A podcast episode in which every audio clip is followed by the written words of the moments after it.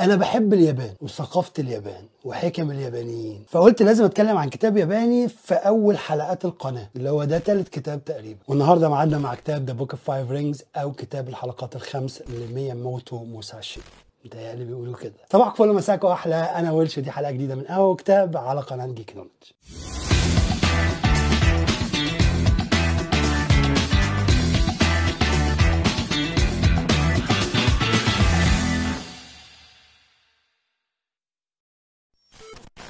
الملخصات مش قراية ولا تغني عن النسخة الكاملة من الكتاب. حلقات القناة هدفها ترشيح وتلخيص ومراجعة ومناقشة وعرض أفكار الكتب والأهم تشجيعك على القراية. هو أيوه الكتاب من تأليف واحد من أهم محاربي الساموراي وكلامه كله من جو المعارك أو في جو المعارك يعني بس نصايحه معدية فنون الدفاع عن النفس بكتير قوي وهتلاقي مثال لكل فكرة في الحياة حواليك جوه الكتاب ده. والجميل بقى إن تغيير الأفكار دي مش صعب وهيغير حاجات كتير قوي للأحسن. مياموتو موساشي ما كانش مبارز محترف بس لكنه مفكر قوي جدا حتى بمقاييس النهارده وده اللي هنشوفه في الكتاب. في عمق في الكلام كده فاهمني؟ جامد قوي اللي هو بعد ما قريت الكتاب ما استغربتش الإقبال عليه من كل المجالات. ومش بس الرياضيين أو لاعبي فنون الدفاع عن النفس يعني مجالات كتير جدا بتحب الكتاب ده وبترشحه. المهم مش هطول في المقدمة وألحقك قبل ما تزهق. وهنروح نتعرف أكتر ونشرح نقط الكتاب الرئيسية. ومعانا السيف. هعرفك اسم السيف ده في الفيديو. Learn to focus on the essentials. اتعلم تركز على الضروريات.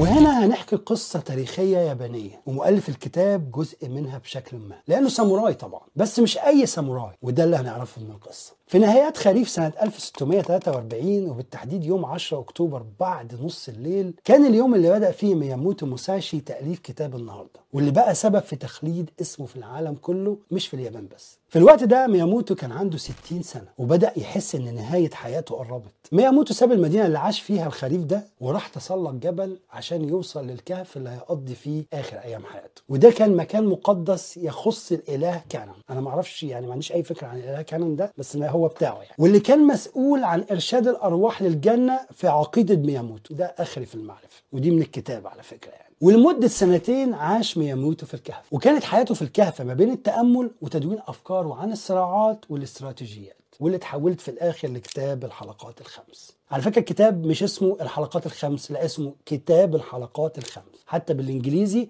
The Book of Five Rings ملحوظة سريعة. مياموتو موساشي كان ساموراي. الساموراي لما تم تشكيلهم في البدايات كانت مهمتهم الوحيدة هي حماية وخدمة حكام اليابان وممتلكاتهم. بل وكمان كانوا زي البوليس كده. بس مع الوقت ولما المجموعة دي اتحولت لطبقة في المجتمع الياباني بدأت طموحاتهم تكبر وتوسع. لغاية ما في القرن ال 12 جابوا إمبراطور صوري يحكم اليابان اللي هو بالاسم يعني. لكن الحاكم الحقيقي كانت جماعة shoguns المنحدرة من طبقة الساموراي واللي كانت مكونة من قادة عسكريين ديكتاتوريين. فكرني بحاجة. المهم المهم المجموعة دي استمرت على نفس الوضع لقرون لكنها ما كانتش قرون سهلة بأي شكل عشان كانت مليانة حوادث وصراعات وحروب أهلية هي اللي شكلت روح الساموراي في الفترة دي واللي بعد كده اتحولت لأساطير. واستمرت الحياة على الوضع ده في اليابان لغاية ما نوصل لبدايات القرن ال17 لما توكوجاوا إياسو قال للكل إيه تعالى يا ابني أنت على جنب كده وهات يا ابني السلاح اللي في إيدك ده لا يعورك وأنت أنا عارفك أنت هتغدر بيا. فقلل لي عدد المقاتلين اللي عندك. وراح مؤسس دولة جديدة عاصمتها إيدو سنة 1603 وإيدو دي اللي بقت طوكيو بعد كده. والنتيجة إن أعداد كبيرة من الساموراي اللي اتربوا وعاشوا كل حياتهم بيتنفسوا حرب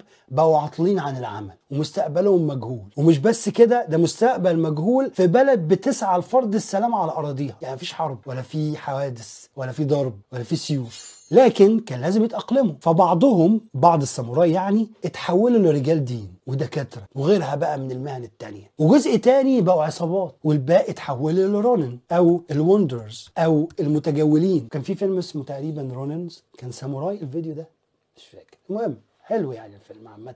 أنا مش فاكره خالص بس أنا عارف إن هو حلو. ودول بقى مجموعة من الساموراي اللي من غير قائد كده استمروا في العيشة بناء على القواعد القديمة القايمة على الشرف والانضباط وفنون القتال القديم اللي هو إيه؟ الحاجات اللي هي التراث بتاع الساموراي يعني. وكانت المجموعة دي بتسافر من بلد لبلد وبيدربوا اللي عايز يتدرب بمقابل. أهو مياموتو موساشي بقى اتولد سنة 1584 وكان واحد من الرونن أو الساموراي المتجولين لغاية ما تقاعد في سن ال 30 يعني بطل بقى شغلانة الساموراي دي في سن ال 30 وكل معلوماتنا عن حياته جاية من تدوينات الطلبة بتاعته واللي عرفونا إن عمره ما اتجوز ولا كان ليه أولاد. كمان قالوا لنا على قصة هتعرف تعرفنا أكتر بشخصية ماياموتو والقصة بتقول إنهم كانوا بيحاولوا يختاروا عود خيزران عشان يشيل العلم بتاعهم. ما أعرفش العلم بتاعي بس علم يعني. وكانوا جايبين 50 عود. فراح ماسك الاعواد وبقى يرمي كل واحد على الأرض. اللي يتكسر يرميه. واللي ما اتكسرش أخده واستخدمه. اللي هو يعني الراجل بيجيب من الآخر. هي دي شخصيته. عملي يعني. شوف بقى يختبر ويعمل لجنة واللجنة تشكل لجنة ونشوف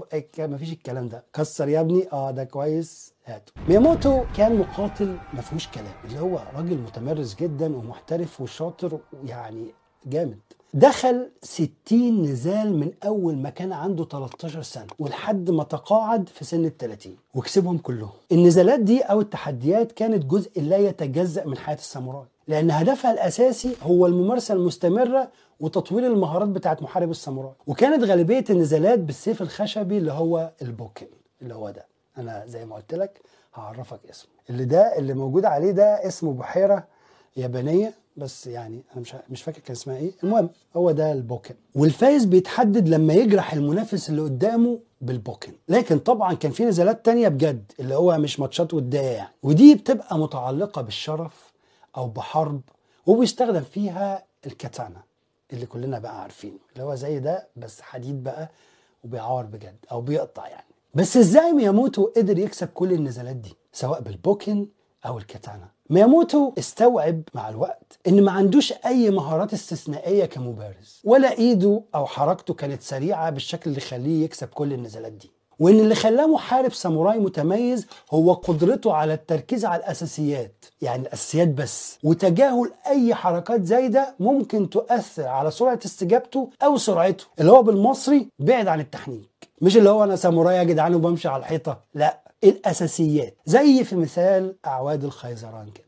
اللي تتكسر نرميها واللي ما تتكسرش نستخدمها. من الآخر أسلوب مباشر وصريح وبعيد عن أي فنيات لكنه مؤثر عشان بسيط. في فترة كده لقيت نفسي إيه بهتم بإن الفيديو يكون 4K والانتقالات تبقى فيها شغل عالي ونصوص بقى وكله بيتحرك وعارف انت ملاهي. بس الكلام ده بقى ياخد وقت ومجهود وجاب نتيجة عكسية معايا. فبدل ما بنتج محتوى كتير بقيت بنتج أقل. وبالتالي الناس ما بقوش متابعين قوي عشان مش عارفين لي ميعاد.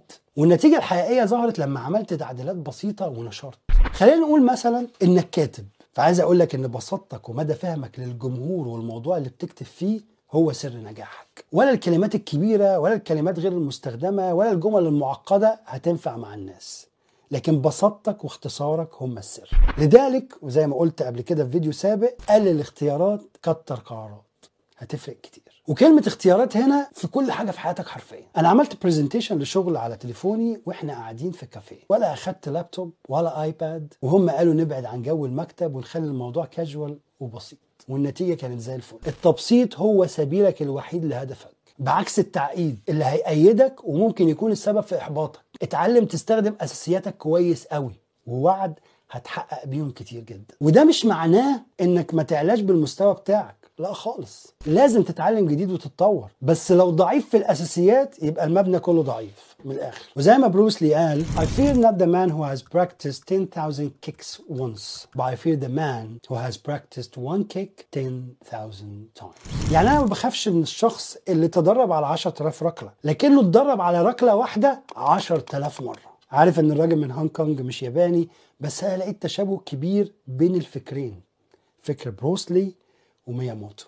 حبيت اذكره The warrior's true purpose is to triumph not to die honorably.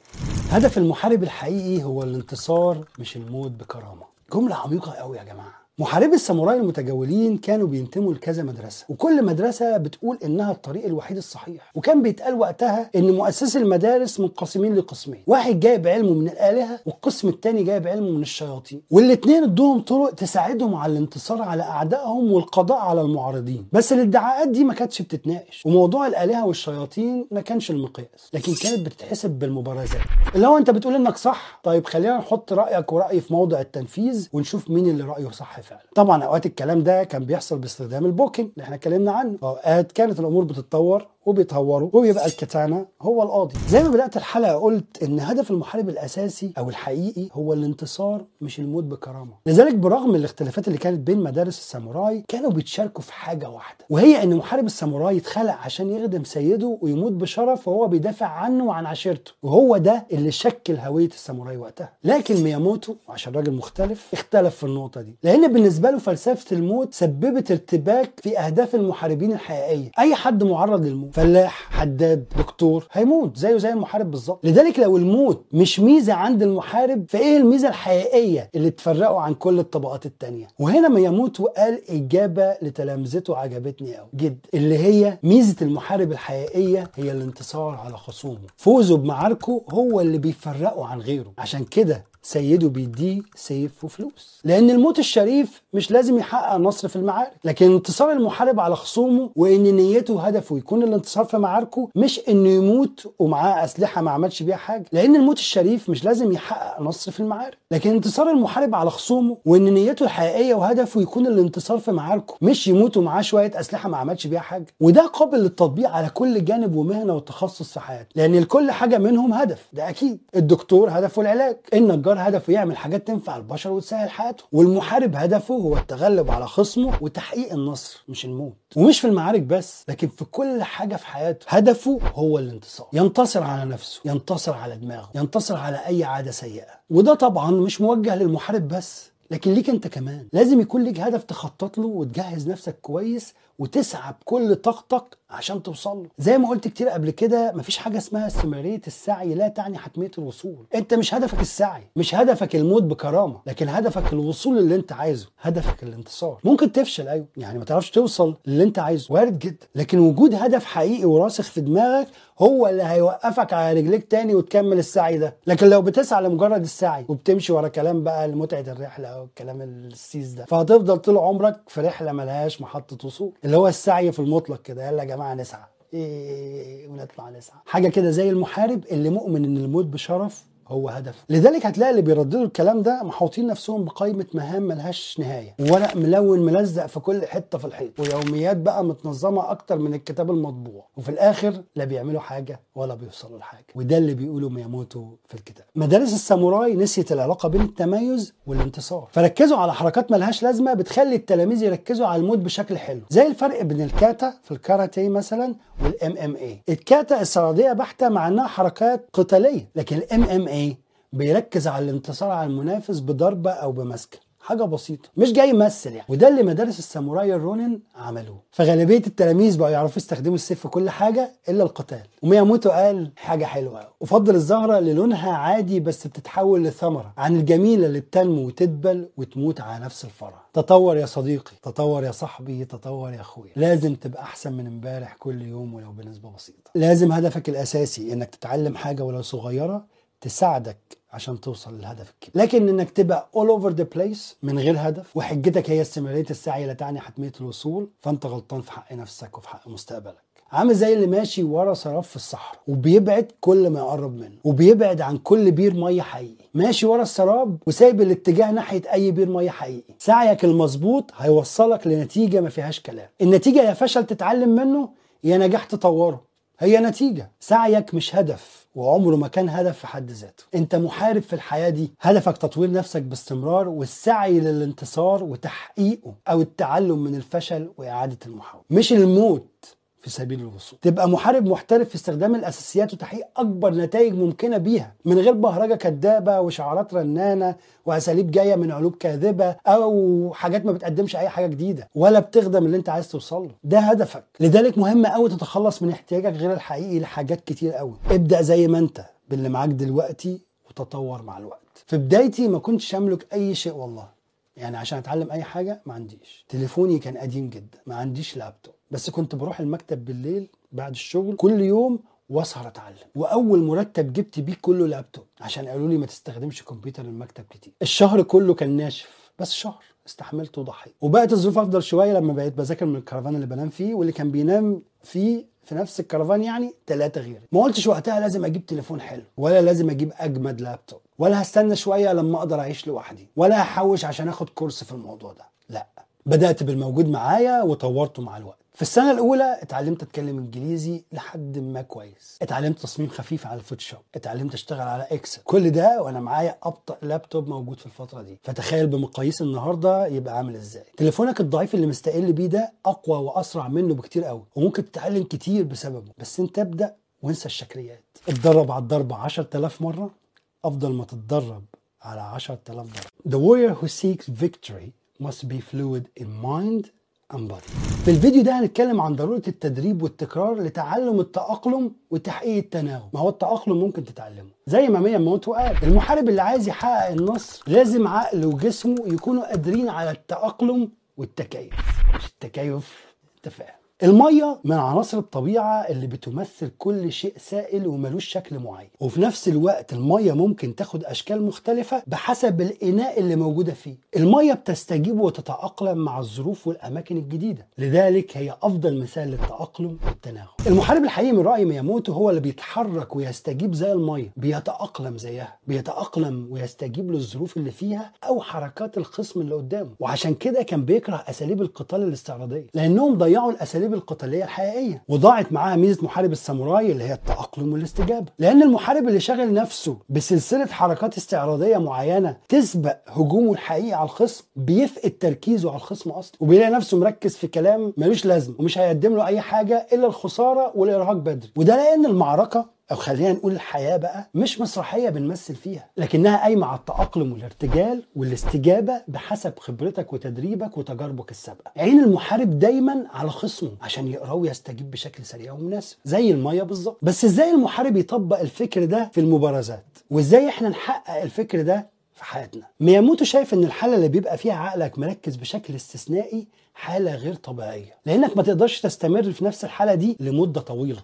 لا مؤاخذة. أو زي ما وصفوا تركيز غير مستدام. وده اللي لاحظه المخططين العسكريين على مر العصور إن الجنود في ساحة المعركة ما بيركزوش على الفنيات كتير لكنهم بيعملوا اللي اتدربوا عليه بشكل تلقائي. عقلهم وجسمهم بيتأقلموا مع الظروف الجديدة تحت ضغط المعركة لأن حركات الصد والهجوم بقت جزء من طبيعتهم وبقوا بيعملوها بتلقائية كاستجابة للموقف اللي هم فيه. وهو ده اللي المفروض نعمله. إننا نكرر ونبني عادات سليمة تبقى جزء مننا وبتحصل بشكل تلقائي ومن غير تفكير مسبق كتير. يعني ما تقعدش تفكر بقى في الخطوة الجاية. لأنك لما تحقق ده مش هترهق نفسك بتفكير ملوش هدف. وجسمك هينفذ الأمر بشكل تلقائي. والدرس الثاني هنا واللي مهم قوي من رأيي هو إنك لازم تعرف تتأقلم مع الظروف الجديدة. ما ينفعش تتمسك بطريقة قديمة أو فكر قديم أو تقول أنا جبت الآخر وأنا أحسن واحد في المجال. لأن دي مرحلة الجمود. واللي بيجي بعد الجمود الكسر. الدنيا بتتغير من حواليك ولازم تستعد كويس للتغيير ده. لازم تتحرك معاه وإلا هيسبقك بكتير قوي. اتعلم لغة. اتعلم تتعامل مع الكمبيوتر بشكل احترافي. اتعلم أساسيات البرمجة. اتعلم تستخدم أدوات الذكاء الاصطناعي. واكب التطور وتأقلم معاه لأن مواجهتك خسرانة وتجاهلك ليه ضرر ليك. كلنا سمعنا بروس لي وهو بيقول be water my friend. Empty your mind. Be formless. Shapeless. like water. You put water into a cup, it becomes a cup. You put water into a bottle, it becomes the bottle. You put it into a teapot, it becomes a teapot. Now water can flow or it can crash. Be water, my friend.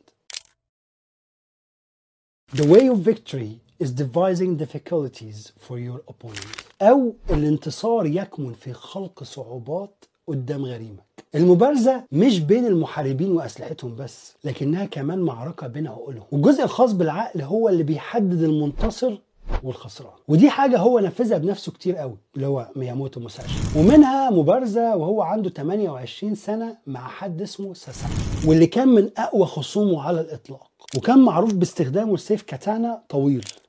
طويل جدا. بالفنيات فساساكي ما كانش ليه حل وهو الكسبان وهيقطع مياموتو. لكن اللي عمله مياموتو غير الواقع ده. المبارزة كان ميعادها الصبح يوم 13 إبريل 1612 على جزيرة صغيرة. ساساكي والمجموعة اللي معاه وصلوا قبل ميعادهم أو يمكن في ميعادهم لكن مياموتو بقى نام براحته ووصل متأخر وكان الوقت ده قرب الظهر والشمس مولعة. يعني الدنيا حر جدا. وساساكي لابس بقى الدرع بتاعه التقيل فكان بيغلي إذا كان في دماغه أو إذا كان من الحر. وطبعا كان هيتجنن عشان مياموتو اتأخر وما احترمش الميعاد. وبعدين لما مياموتو نزل من القارب ما كانش معاه كاتانا كان معاه بوكن. بس كان أطول من سيف ساساكي. وده حسس أو خلى ساساكي يشعر بالإهانة. فبقى عامل زي المجنون. راح مطلع السيف بتاعه ورمى الجراب في البحر. وفي اللحظة دي مياموتو بيقول أنا عرفت إن ساساكي خسر أول ما شفته بيرمي الجراب في البحر. لأن الراجل الوحيد اللي مش محتاج جراب السيف هو اللي متوقع الموت.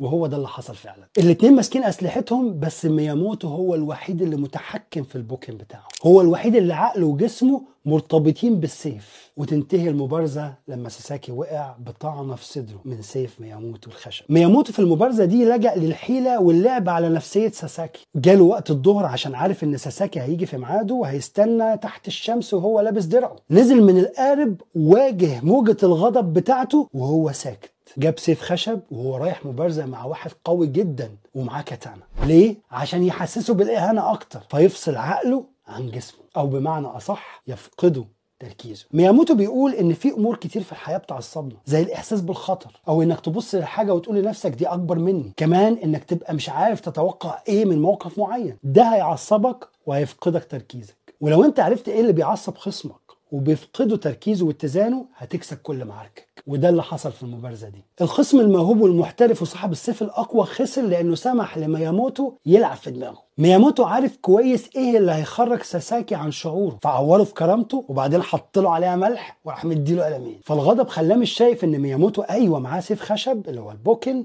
بس أطول من سيف الكتانه اللي معاه. يعني غضبان وحاسس بالإهانة وواثق من نفسه فاستهزأ بالسيف الخشب لكنه ما أخدش باله من الطول. كل العوامل دي مع بعض أدت في الآخر لخسارة ساساكي قبل حتى ما يبدأوا المبارزة بتاعتهم. اتغلب هنا وزي ما مياموتو بيقول الانتصار هو ثمرة وضع صعوبات قدام خصمك. وإزاي تعمل حرب نفسية فعالة تخلي خصمك يخسر قدام نفسه؟ النصر هو ثمرة ابتكار الصعوبات لخصمك. حاربه نفسيا بفاعلية وقوة وهو هيزن نفسه. طبعا إحنا لا ساموراي ولا عندنا مبارزات ولا مدارس ولا الكلام ده. قشطة. لكن في حوالينا ناس كتير مهمتهم اللعب بعقولنا. منهم اللي بيلعب للعب وما يهموش أنت تتأثر إزاي. ومنهم اللي بيلعبوا في دماغك عشان يكسبوا منك أو يتحكموا فيك أو يمنعوك تحسن من نفسك. ولازم تتعلم إزاي تتحكم في مشاعرك وردود أفعالك وما تديش لحد فرصة إنه يتحكم فيك أو يلعب في دماغك أو يحبطك. وخليك دايما فاكر إن ال easily offended easily manipulated خلصنا شرح وتلخيص الكتاب بس لسه في كلام تاني عنه في الحلقة الجاية عشان نعرف مع بعض إيه هم الحلقات الخمس المقصودين في الكتاب. ولو هلخص كلامي عن كل حلقات الكتاب هقول إن المحارب هدفه تحقيق النصر وده يطبق على الحياة زي ما بيطبق على الحرب.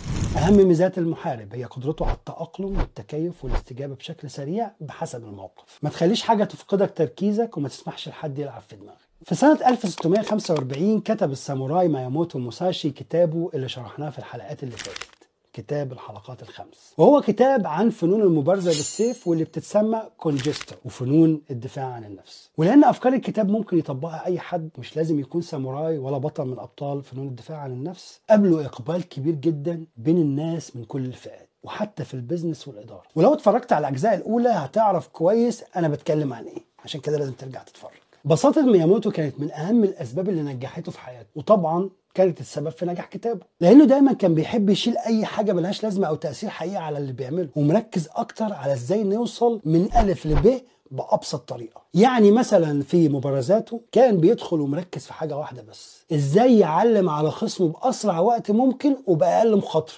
ودي فكرة ممكن تطبقها على حياتك في حاجات كتير جدا. يعني لو عندك كمبيوتر في البيت ليه محتاج تليفون وآيباد؟ أو ممكن تطبقها وأنت بتاخد قرار معين خاص بشغلك أو أكلك أو الدايت بتاعك. أي حاجة بقى. محتوى الكتاب هو دروس مياموتو للتلاميذ بتاعته. وأيوه هو اعتمد طبعا على مصادر تانية في كتابه لكن تفسيره وشرحه للنقاط وإضافة فكره الخاص خلاها أوضح وأفضل وقابلة للتطبيق بشكل أكبر. الكتاب متقسم لخمس كتب. كل كتاب مخصص لعنصر من عناصر المعركة أو المبارزة وهي الأرض والمية والنار والرياح والفراغ. طبعا الكلام عميق. كتاب الأرض أو الحلقة الأولى من الحلقات الخمس يعتبر مقدمة لمياموتو أو مقدمة للكتاب يعني كاتبها بطريقته عشان يحط خطوط عريضة لأسلوبه واستراتيجيته اللي بيعلمها لتلاميذه. وده واضح من كلامه. Know the smallest things and the biggest things. The shallowest things and the deepest things. As if it were a straight road mapped out on the ground. اعرف الصغير والكبير. تعرف على السطحي والعميق. تحرك كأن في طريق مستقيم مرسوم على الأرض. أو لما قال from one thing know 10,000 things. When you attain the way of strategy there will not be one thing you cannot see. You must study hard. تعرف على آلاف الأشياء عن شيء واحد. عند وضع استراتيجيتك يجب عليك الاهتمام بكل الجوانب وعدم ترك أي شيء. أدرس الأمر باجتهاد ودقة. هدف الاستراتيجية اللي اتكلم عنها مياموتو في كتاب الأرض هو تمكين تلامذته من رؤية الدنيا من حواليهم بشكل أوضح وبالتالي اتخاذ قرارات أفضل في المواقف المختلفة زي مثلا تحديد نوع السلاح المناسب للوقت والأرض وحتى الجو. وده معناه إن معرفتهم لازم تتعدى معرفتهم للسلاح بل وتمتد لمعرفتهم بالمنطقة وتدريسها وحتى جوها. يعني إمتى وفين وليه وازاي. لذلك كتاب الأرض بينتهي بتسع مبادئ بتحدد أساسيات لازم تكون موجودة عند أي شخص زي إن نجاحك يكمن في تدريبك. اتدرب كويس واتدرب كتير عشان تبقى محترف حقيقي في اللي بتعمله. أو لما قال اتعرف على كل فن ومهنة. وهدفه هنا إنك تبقى واعي وعندك علم. وأكيد أنت فاهم إن المعرفة حاجة والاتقان حاجة تانية أو التخصص يعني. كمان قال حاجة عجبتني قوي وهي إنك لازم تعرف الفرق الحقيقي بين الخسارة والمكسب في الحياة. اللي هو يمكن تكون خسرت حاجة. بس هل هي فعلا خسارة؟ فكر فيها. يعني في حاجات لما بنخسرها هل هي فعلا خسارة؟ كمان من توصياته المهمة قوي إنك ما تعملش أي حاجة في حياتك من غير فايدة جاية منها. خالص. في حلقة الماء أو كتاب الماء ركز على استخدام المية وطبيعتها للتعبير عن التدفق والتأقلم والتكيف في الطبيعة من حوالينا. عايش. وده وضحناه في الحلقات السابقة. والهدف هنا هو تشجيع تلامذته على التطور والتكيف مع المكان أو الموقف اللي هم فيه مهما كان بدل ما يبقوا قافشين وغير قادرين على التأقلم. وبالتالي هيفشلوا في الحياة لو الظروف اللي حواليهم اتغيرت. وهنا مياموتو ما يقصدش التأقلم والتكيف براحتك وتاخد وقتك وكده. لا ده انت تبقى جاهز للتغيير في أي وقت وبحسب الظروف. تبقى إيه؟ العملية استجابة. وده طبعا محتاج تدريب كتير ومعرفة واسعة وتكرار. ولو انت متابعني على قناة وليد طه فهتلاقيني كتير بركز على التكرار. وقبل كده قلت إن اللي بيقولك تخصص وركز في حاجة واحدة بيعتمدوا على كود قديم قوي كان بيقول a jack of all trades is a master of none. بس عمرهم ما هيكملوها ويقولوا إن بعد كده بتيجي جملة مهمة قوي وهي but oftentimes better than a master of one. واللي هي أصلا كانت جملة بتمدح ويليام شكسبير؟ لذلك تخصص زي ما أنت عايز طبعا لازم تتخصص في حاجة لكن برضو تعلم أساسيات اللي تقدر عليه وتعرف على المجالات التانية. عادي ما فيهاش أي حاجة. لما تعمل كده بشكل صحيح وتخطط له كويس هينعكس بشكل إيجابي جدا على حياتك وقراراتك وأحكامك وتعاملك مع الحياة من حواليك. وإنك تتأقلم وتقدر تنقل من مهارة للتانية بشكل سريع وفعال.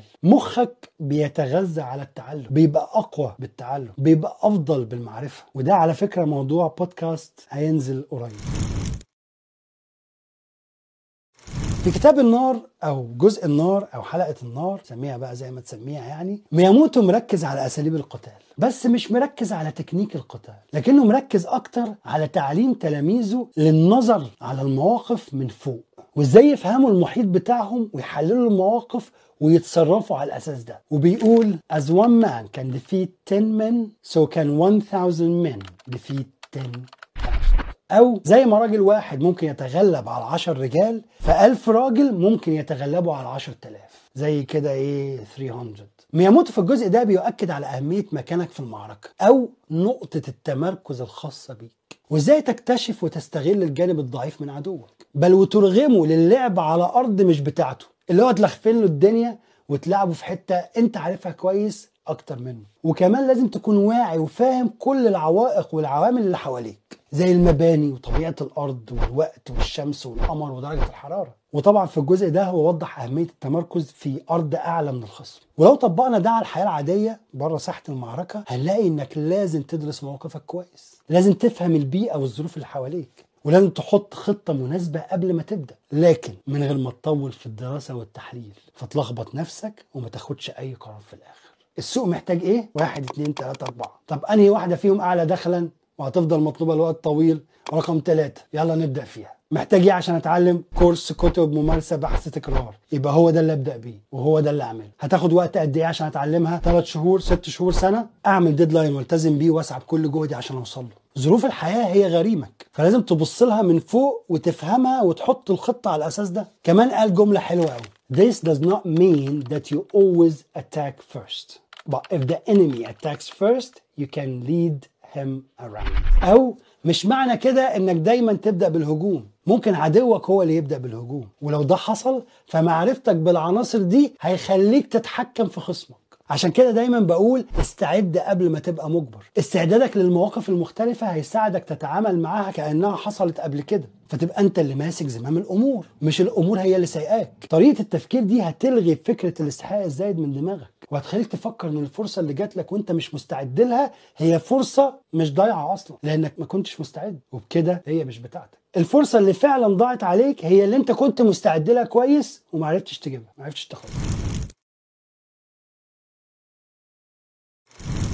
أهم حاجة في جزء كتاب الرياح هو تحذير مياموتو من الاعتماد المفرط على مجموعة واحدة من الأدوات. يعني اللي هو ما بتعرفش تستخدم الحاجات دي أو ما تعرفش إلا المجال ده. وقال في الجزء ده some other schools have a liking for extra long swords. From the point of view of my strategy these must be seen as weak schools. This is because they don't appreciate the principle of cutting the enemy by any means. أو بعض المدارس بتفضل السيوف الطويلة جدا وأنا شايف من وجهة نظري الاستراتيجية إن المدارس دي ضعيفة لأنهم ما بيتدربوش على إمكانية إصابة العدو بكل طريقة وأداة ممكنة. كلام جميل وعميق. وده شفته كتير قوي وآخرهم لما رشحت مجموعة برامج بديلة لبرامج ادوبي ولقيت تعليقات كتير من نوع زي إيه مفيش حاجة تغني عن البرنامج ده ومفيش بديل للبرنامج ده وده الحقيقة أبعد ما يكون عن الحقيقة. في بديل لكل حاجة بس أنت ما اتعلمتوش سواء من مبدأ الكسل أو الاستسهال أو التفضيل الشخصي. ودي نقطة ضعف كبيرة في إمكانياتك ومهاراتك لأنك لازم تتعلم تنفذ المهمة بأي أداة ممكنة وبالضعيفة قبل القوية.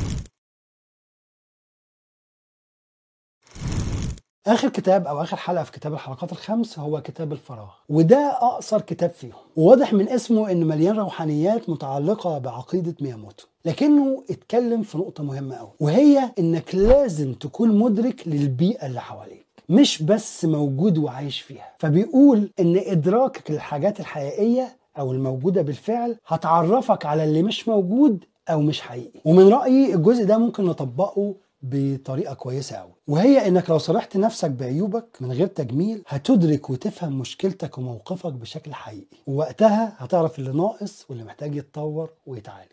الحقيقة أنا استمتعت جدا بشرح وتلخيص الكتاب ده وطبعا بقرايته وأتمنى يكون ده اتنقل ليكم واستفدتوا من الحلقات. لو عجبك الفيديو ما تنساش تعمل like و share وتشترك في القناة وتفعل الجرس عشان تعرف لما حلقة جديدة تنزل وعشان تدعم القناة. ويا ريت تتفرج اللي فات ولو عندك ترشيحات لكتب مشابهة اكتبهم في التعليقات. قرايه سعيدة وأشوفك الحلقة الجاية. اوفر ناو